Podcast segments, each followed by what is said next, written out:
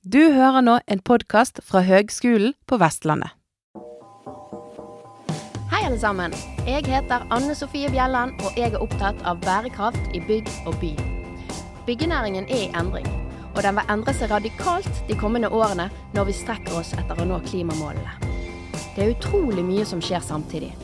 Med denne podkasten ønsker jeg å følge utviklingen på tvers av fag, sånn at vi sammen kommer nærmere bærekraft i bygg og by. Alle sammen. I dag så eh, skal vi snakke om byggefeil. Og med det så menes da ting som ikke gjøres som de skal under utførelse. Det er ikke dermed sagt at det er de utførende sin feil, men det er jo på utførende nivå at feil ofte gjøres som et resultat av feil enten andre steder i andre ledd, eller da selvfølgelig i utførende leddet. Dette har vært tematikk i byggebransjen veldig lenge. Sintef har gjort en større undersøkelse av byggefeil for eh, en del år siden. Men så har det liksom ikke Altså, det skrives om litt her og litt der, men, men hva er det dette skyldes? det å bygge feil, det er jo det minst bærekraftige vi kan gjøre. For det skaper økt ressursbruk, økt tidsbruk, det skaper økt frustrasjon som går utover miljøet og konfliktnivået i, i prosjekter. Eh, så her er det et stort forbedringspotensial. Dette er det en gruppe med fagskolestudenter som har jobbet med i hovedprosjektet sitt og de har jeg snakket med. Da vil jeg bare si tusen takk for at dere tar dere tid til å prate med meg. Takk for invitasjonen. Eh, jo, så bra. Du, kan dere begynner med å eh, presentere dere, eller si hvem dere er og hvilken bakgrunn dere har? Og... Jo, jeg heter Terje Dingsør og uh, jobber med ventilasjon. Har jobbet med det nå i ca. 20 år. Og jobber for en, en, en montasjebedrift i Bergen. Og vi monterer jo ventilasjon på forskjellige byggeplasser. og holder nå bl.a. på på det nye barne- og ungdomssykehuset og nye fylkeshuset som bygges i Bergen. Ja. Jeg heter Terje Helseth og jobber som rørlegger. Har gjort det nå i ti år og kommer fra Ålesund. Jobber i samme firma egentlig hele veien også, og jobber som servicerørlegger. Så da jobber vi på boliger og har en god del rehab, for å si det sånn. Ja. Både sanitær og varme. Mye erfaring her, altså. Og så har dere da eh, nylig blitt uteksaminert fra fagskolen, der dere har gjort en veldig spennende eh, hovedoppgave. Ja, stemmer det. Kan ikke dere fortelle litt om eh, bakgrunnen for oppgaven og, og tema? Hvorfor ville dere jobbe med det? Jo, altså Det var jo en avsluttende oppgave etter å ha tre år med, med studier innenfor klima, energi og miljø. Eh, det var jo mange temaer som ble eh, diskutert da, før vi endelig landet på det vi skrev om. Vi valgte jo da å skrive om, eh, om byggefeil. Det var noe som interesserte alle sammen i gruppen, og noe vi alle hadde et forhold til. Det er jo gjerne noe som alle har et forhold til, enten om de er kunder eller om de er montører eller ledere. Og Da vet jo man samtidig at det kan være belastende både økonomisk, men også for tilliten til, til bransjen. Mm. Og så var vi da, Etter hvert som vi leste oss opp, så var vi overrasket over omfanget av byggefeil. Og eh, Vi så jo at eh, det var liksom kostnader opp mot 17 milliarder i året som var mm. anslått av, eh, av Sintef mm. for, for, å utbrede, utbedre byggefeil. Mm. Og, eh, så det er jo liksom store kostnader, så det er nesten blitt et uh, samfunnsøkonomisk problem. Da, men samtidig er det et problem for omdømmet til, uh, til bransjen. Absolutt. Og da kan vi jo liksom, Når du sier byggefeil, så har dere i oppgaven deres har dere definert liksom Altså dette er en utførelsesfeil. Eh, når en aktør under utførelse av sitt arbeid ikke har fulgt konkrete spesifikasjoner eller normert, standardisert, anerkjent og preakseptert metode. Ja. Ja for vi har jo type, ja. Vi måtte jo avgrense oppgaven litt, da. Så mm. vi har jo da eh, valgt å kunne undersøke utførelsesfeil. Og Dermed har vi utelatt uh, prosjekteringsfeil og materialfeil. Mm. Utførelsesfeil utgjør ca. 30% av alle, alle byggefeil igjen. Mm. Så problemstillingen vår endte opp liksom, hvordan kan man redusere antall utførelsesfeil i VVS-bransjen. Mm. Vi skrev om VVS-bransjen, men vi så jo samtidig at uh, altså, oppgaven kan jo gjenspeile hele byggebransjen, uansett hva fag man, uh, jobber under. Det var ikke noe sånn spesifikt for VVS-bransjen som kult gjaldt der. Det var jo bare på at vi måtte begrense oppgaven i forhold til eh, tiden vi hadde til rådighet. Ja, jeg tror du har eh, rett i det at dette kan representere flere utførende. Ja. Eh, absolutt. Men fortell litt, hva, hvordan gikk dere frem for å besvare denne problemstillingen? da? Nei, vi eh, Først og fremst så begynt, startet vi med å, å, undersøke faglitteraturen. Se på forskningsrapporter og, og uh, fagartikler og litt på lovverk og sånn forskjellig.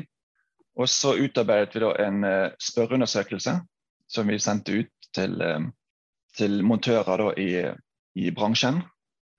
Og så til slutt så intervjuet vi 15 montører for å liksom høre på feil de hadde begått, hva de mente var årsaken til at han ble gått, og uh, hva de mente liksom kunne være uh, hjelpe for at det ikke skulle skje igjen.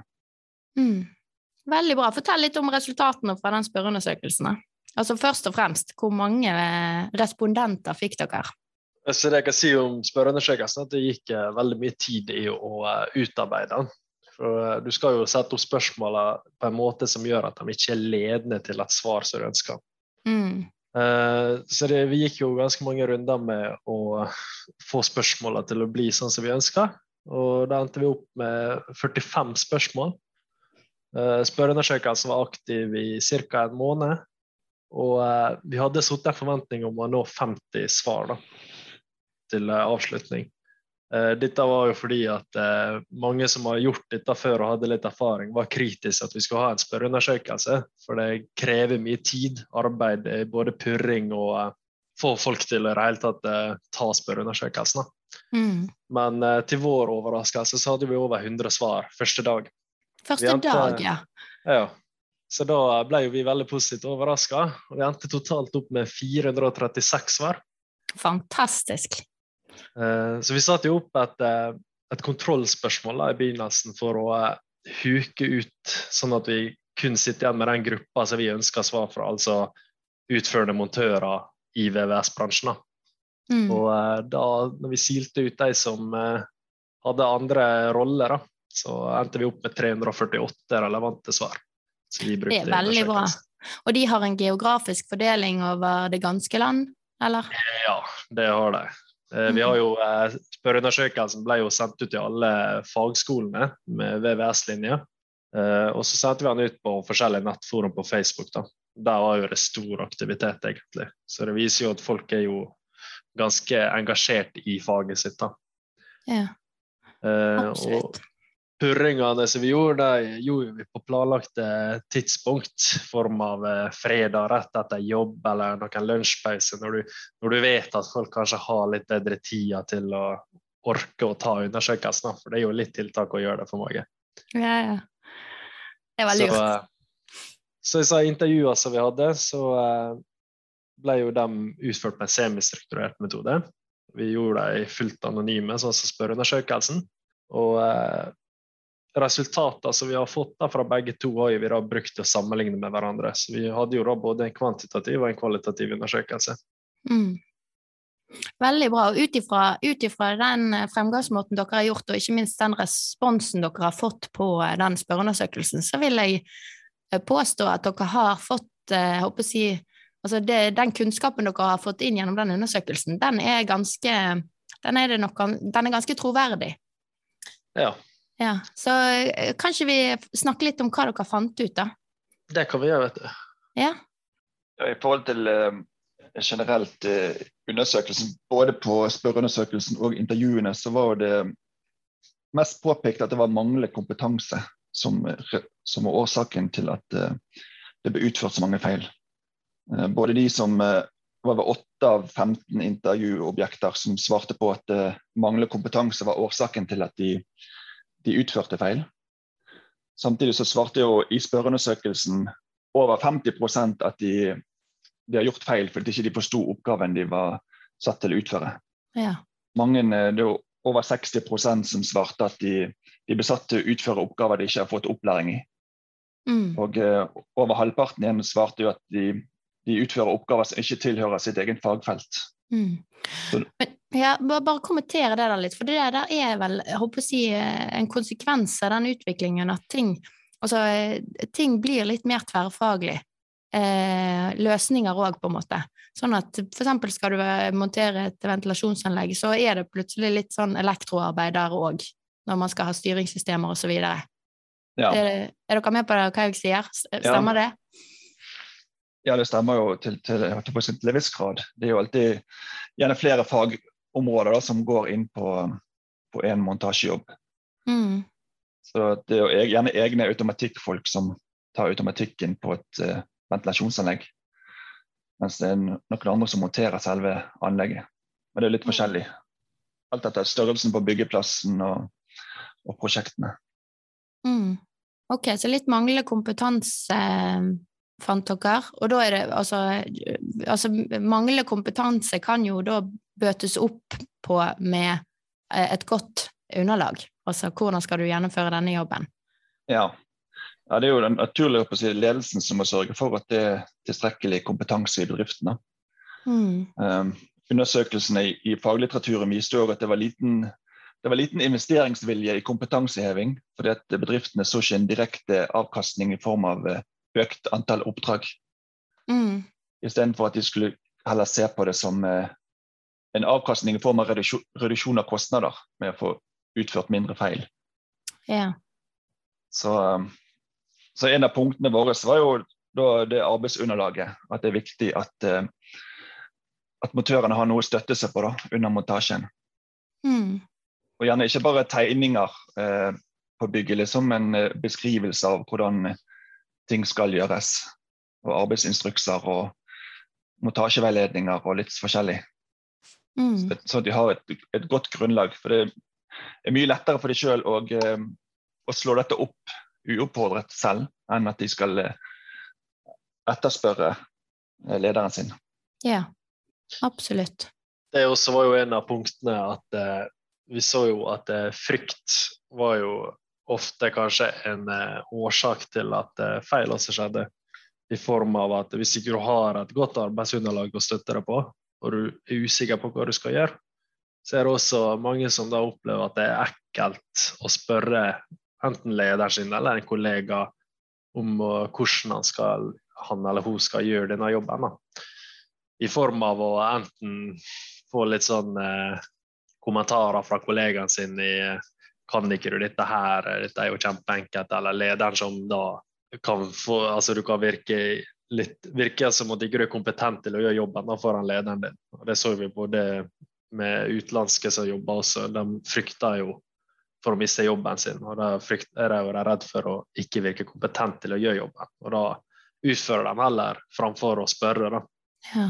Eh, og da En av tingene vi så på, da er jo dette med erfaringsoverføring. Eh, hadde, hadde vi hatt en kultur for å egentlig snakke med hverandre om feilene som vi gjør, og eh, mer åpen for å kunne stille spørsmål og få svar, så skaper jo det også en erfaringsoverføring som ikke nødvendigvis trenger å koste bedrifter store kostnader. Mm. Uh, om én person gjør en feil på en byggeplass, det kan være alt fra å montere en kobling på et rør feil, det. Kanskje en kobling som vanligvis på andre produsenter skal strammes helt inn, så skal den da strammes 50% for å si det sånn. Sikkert nødvendigvis noe du vet. Men hvis du gjør da en feil, og uh, du syns det er flaut, du tør ikke å fortelle det til noen, du retter opp i det, så ender du også opp med at alle kollegaene dine må gjøre akkurat samme feil sjøl for å lære av den. Og det er jo stor sannsynlighet for at det kan skje. Og det vil jo også uh, bidra til store kostnader for bedriftene når gjentagende feil skjer om igjen. Ja, absolutt. Så det, det da snakker dere om å, å legge Altså det er en manglende kultur for å være åpen om at man ikke kan alt. Ja, egentlig. En manglende mm. kultur for å kunne snakke om det, spørre. Um, og det er jo ikke Altså, det er jo Det krever jo litt energi å få endra holdninger til folk til å være åpen for å kunne gjøre det, men det er ikke nødvendigvis en stor kostnad å gjøre det. Og det kan, mm. vil jo være med på å øke kompetansen. Mm. Så har du f.eks. sluttevaluering på alle prosjekt som du eh, har, da, for å si det sånn, så eh, åpner du også muligheten for å eh, reflektere over både feil som har skjedd, og hva, hva hver enkelt kan gjøre bedre til neste gang. I tillegg så vil jo de som er ansatt, få en eh, føle på en mer tilhørighet i forhold til at de er med på hele prosessen, og ikke bare blir sendt til neste jobb.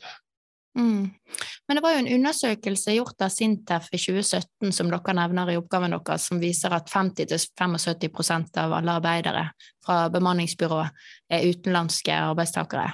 Tror dere det er en del av utfordringen? Ja, det er nok en, en del av utfordringen med språk og, og kulturforskjeller. Uh, utenlandske arbeidere er ofte mer vant til å bli detaljstyrt i arbeidshverdagen. Med at en leder liksom står og overvåker dem og følger med hele tiden. Mens i Norge er det en mer eh, flat struktur som gjør at uh, hvis en leder gir beskjed, så forventer han at han forstår oppgaven. Og hvis ikke, så kommer han og, og spør. Mm. Men det viser jo seg at det gjerne er litt forskjellig i forhold til kulturen til utenlandske arbeidere. Mm. Samtidig så er jo, er jo, selvfølgelig språkproblemene en vesentlig faktor. Da. Det var jo mm. I, i spørreundersøkelsen vår så var det var 70-80 som mente at uh, språkproblemer førte ofte til misforståelser og utførelsesfeil. Ok, Men var, var, det anledning for, uh, for uh, arbeidere eller montører med an, andre språk å svare på undersøkelsen deres, eller er det utelukkende norske montører som har svart? Vi hadde den òg på engelsk, det var ikke så mange som svarte på engelsk. Men jeg vet at det er noen utenlandske som har svart si, på norsk. Ja, ja, så, så, ja. så, det er iallfall men jeg vil jo anta at uh, størsteparten av respondentene er norske. Ja. Men likevel så, så så du som at det er mange av de som òg vegret seg for å, å spørre en leder. Mm. Ja, så det å vegre seg for å spørre eller vise at man ikke kan, det gjelder både Altså det gjelder uavhengig språk? Ja. Mm. Men den spørreundersøkelsen fra 2017 så var det vel 66% av byggeledere i Norge som, som opplevde utfordringer til språk og kultur, og at dette medførte byggefeil. Mm. Så det er, jo, det, er mange, det er mange, faktorer som eh, kan skape byggefeil. Absolutt. Så det er ikke, det er ikke en enkel løsning for å få bukt med problemet heller. Nei. Hvilke andre funn gjorde dere, da? Dere hadde eh. litt med tidspress og overtidsarbeid og Ja. Det er jo en eh, faktor. I forhold til tidspress, så er jo det Det er jo håper jeg, generelt på alle bransjer. Og så opplever man det tidspress og, og eh, jag på tiden, så, så, er det ofte at det kan skje feil. For man skal ta snarveier. Jobbes det mye overtid, så blir jo, så blir jo man gjerne trøtt og sliten som igjen kan føre til konsentrasjonsproblemer og, og til byggefeil. Mm. Det vi så i intervjuene våre også, det var jo eh, i de tilfellene tidspress var et problem. Da. Så ender det opp med at de tar snarveier. Og så kommer de tilbake en uke etterpå for å måtte rette opp igjen. Og da har den snarveien din plutselig kosta deg x antall timer ekstra. Da. For du skulle bli fort ferdig. Jeg skjønner. Det, kan man kalle det for dette som dere kaller for suboptimalisering? Eh, ja, altså i det tilfellet var ikke det suboptimalisering. Det var heller litt juksing for å bli fort ferdig. Men eh, i undersøkelsen så har vi også om suboptimalisering, og da så vi det at det, hvis ikke jeg husker feil, så var vel rundt 90 som hadde opplevd en form for suboptimalisering. At noen mm. har kommet til hinder for dem. Men da må vi forklare, vi må forklare hva suboptimalisering er for noe. Kan dere klare? Suboptimalisering, det er Skal vi se, da. Suboptimalisering vil si at du gjør arbeidet ditt uten å ta hensyn til de andre som kommer etter deg, eller skal jobbe ved siden av deg i form av at eh, hvis du skal f.eks. legge sprinkler, og du vet at det skal legges ventilasjonsrør over som ikke er lagt ennå, så bryr du deg om det, så legger du sprinkleren inn sånn at du er ferdig med ditt arbeid. Og så kommer han ventilasjonsmannen eh, dagen etterpå og skal begynne, og så må han bruke ekstra tid eller eh, be han sprinklerfyren eh, demontere noe, for det står i veien for at han skal klare å gjøre jobben sin. Og da får du en suboptimalisering. Ja. Um, det jeg skulle si, var jo at uh, selv om 90 da opplevde suboptimalisering på byggeplassen, så uh, svarte jo også jeg tror det var 60 eller 70 ting ser. 60. 60 ja. At de har jo gjort akkurat det samme tilbake sjøl, da. Ja. Så uh, ja. Skjønner. Så man løser for, først og fremst Hva tror dere det skyldes, da? At man liksom først og fremst Altså, måten jeg leser det dere forteller på, da, det er jo at ok, folk har i hovedsak fokus på å levere sin jobb, og så har man ikke fokus på eh, at eh, det helhetlige resultatet skal bli bra. Fordi at man drives av kontrakter og tidsplaner osv. Ja, jeg tror både tidspress og prispress er med på å gjøre at suboptimalisering kommer. da.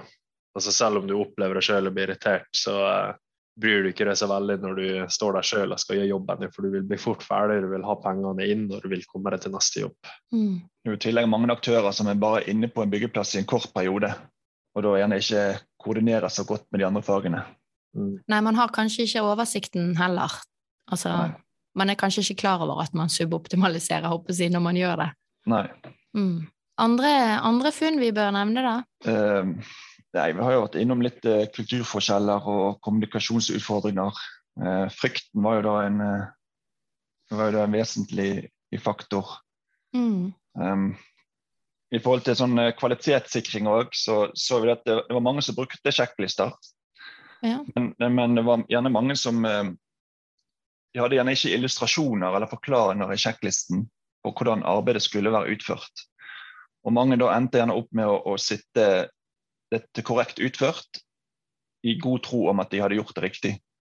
Så et av forslagene våre er jo da å, å, å få illustrasjoner gjerne inn i sjekklisten, slik at, slik at, de kan lettere se om de har montert riktig.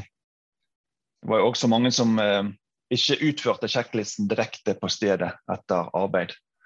Så kan man spekulere i om det gjerne ble gjort på, i arbeidsbilen senere eller på kontoret. Og da mister du litt av eh, av eh, ja, hensikten. hensikten med den.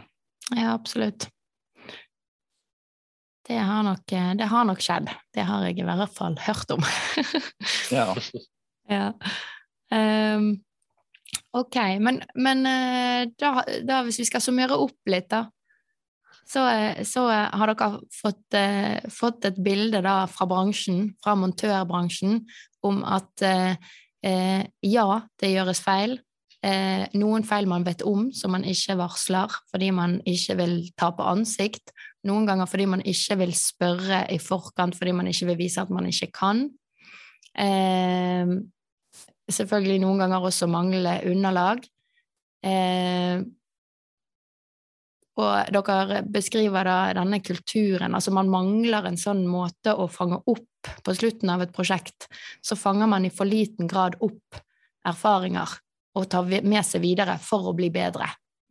Ja, ja altså, den erfaringsoverføringen er jo, er jo, en kontinuerlig prosess som man eh, burde gått igjennom. Hver eneste feil som, eh, som begås, burde egentlig vært eh, sånn sett analysert. og og Hvis det da viser seg at det er arbeidsunderlaget som er for dårlig, som gjør at flere monterer feil, så, liksom, så må man endre på arbeidsunderlaget. Mm. Så det er jo viktig å få den eh, erfaringsoverføringen som man kan, man kan, lære. Og Da må man ha et trygt og godt arbeidsmiljø. Der er det ikke de arbeiderne frykter represalier hvis de, hvis de begår feil. Mm. Det var jo òg i spørreundersøkelsen over 30% som svarte at de skjulte feilmontasjer i frykt for konsekvenser. Ja. Ja, kommer til dette med å registrere feil og avvik, så hadde vi spørsmål om bedriftene hadde noen form for å registrere det. Da fikk jo vi Det var 30% som uh, eh, Nei, det var 40 som sa at de er flinke til å bruke det, at de har det. 30 eh, forteller at de har det, men ingen som bruker det. Og resterende visste enten ikke om de hadde det, eller hadde ikke det. Så okay. der også er jo forbedringsmuligheter. Absolutt. Og så innfører jo dere, eller dere skriver litt om, eh, om, dette her med å være en lærende bedrift. Ja. Det syns jeg var et veldig godt poeng, fordi at eh, nå er vi, eh, vi er i en byggebransje som eh, er i en utrolig rask omstilling. Eh, altså i hvert fall, Det er veldig stort sprik mellom de som ligger fremst i skoen, og de som ligger bakerst i skoen, for å si det sånn, i, i omstilling i forhold til, eh, til eh, miljø og klimautslipp osv. Eh, og der er jo det der med å unngå byggefeil, det er jo kanskje noe av det mest miljøvennlige man kan eh, gjøre. Absolutt. Det er jo både spart eh, kostnader, men samtidig spart produksjon. og man slipper å kjøre tilbake igjen med dieselbil for å fikse feil igjen. Så det, enhver feil vil jo òg redusere klimaavtrykket, liksom. Mm. Og ikke minst dette her med arbeidsmiljøet. Sant? Stress på, på, jobb og konflikt og eh, ja, denne fryktkulturen som, som dere skildrer. Den er jo virkelig noe å prøve å jobbe vekk.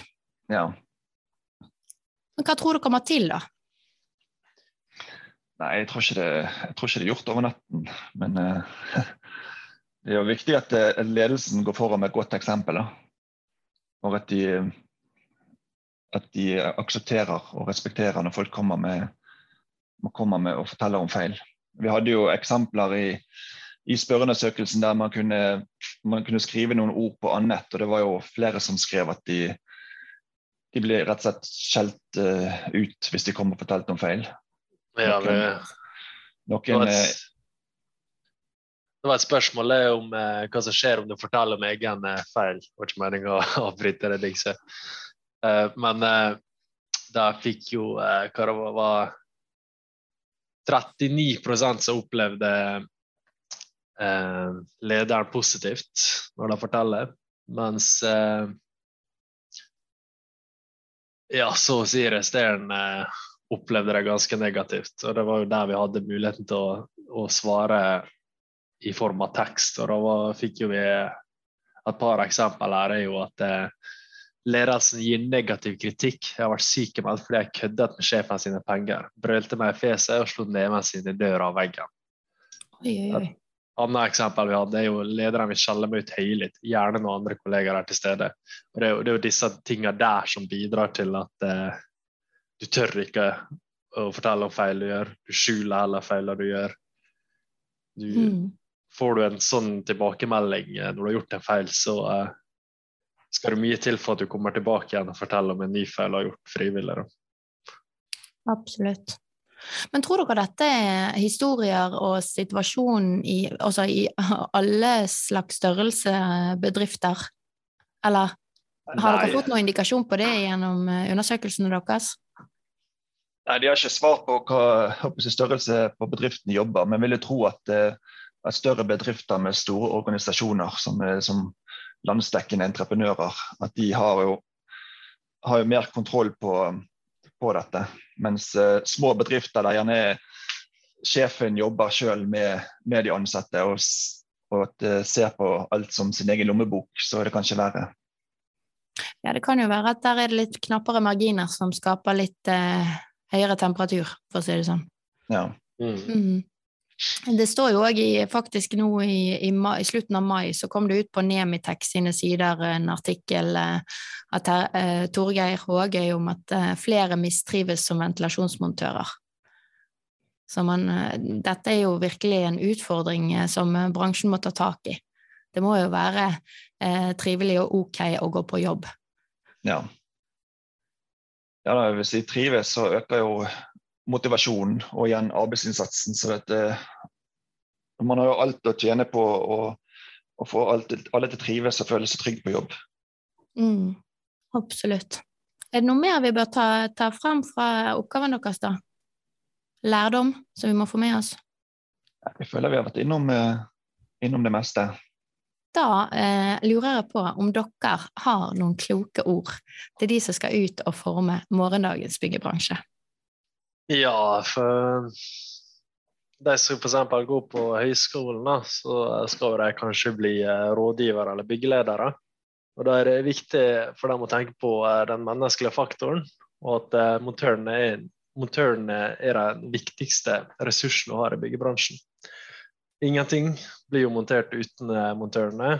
Og det er viktig å spille på lag med dem og prøve å gjøre hverandre bedre. Absolutt. Veldig bra. Eh, tusen takk for at dere stilte. Takk for oss. Takk for at jeg fikk komme. Jo, gratulerer med bra oppgave. Tusen takk for det. Ha det godt. Ha det bra. Dette her er viktige greier, altså. Det er noe med at eh, ja, vi kan holde på med piloter og liksom eh, være spydspisser på miljø og greier, men vi må jo først og fremst lære oss å gjøre i hvert fall det vi hadde tenkt, riktig. Og dette her handler om eh, Det, det handler jo om mange faktorer, sånn som disse gutta òg hadde funnet ut. Så er det jo mange ting som fører til at det blir så det blir, men, men at at byggenæringen trenger å bli bedre på åpenhet. Bli bedre på at ja, jeg kan faktisk ikke alt, og i hvert fall ikke nå når utviklingen går så fort og man får nye komponenter stadig vekk. Så tenker jeg at vi må, vi må alle være åpne om at du, det der har ikke jeg gjort før, så det der må jo vi snakke litt om. Der er det mye å ta tak i, og det er gjort en undersøkelse blant takstmenn fra 2017 som viser at standarden på håndverket er synkende. Eh, og året før det så ble det registrert byggskader for til sammen 17 milliarder kroner i Norge, ifølge Statistisk sentralbyrå. Men det må jo da jobbes eh, bredt og på flere områder, og ja, akkurat hvordan man skal løse det, det, det vet jeg ikke helt. Men, men eh, disse her gutta her, de skriver og snakker mye om dette med kultur og, og det å være en lærende bedrift. Og jeg tror at hvis vi skal klare å nå klimamål, og strekke oss etter de, så må vi i hvert fall legge opp en måte å jobbe på som er lærende, der vi hele tiden lærer av våre feil og utvikler oss basert på det. Tror det er gull verdt å ta seg tid til, selv om det banker nye prosjekter på døren. Så det var min tanke om den saken. Ha det godt, folkens.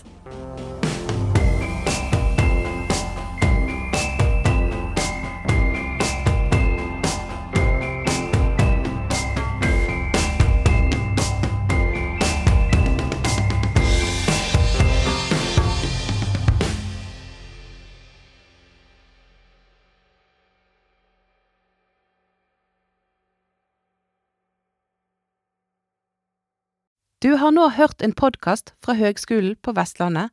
For å høre flere podkaster, besøk hvl.no slash podkast.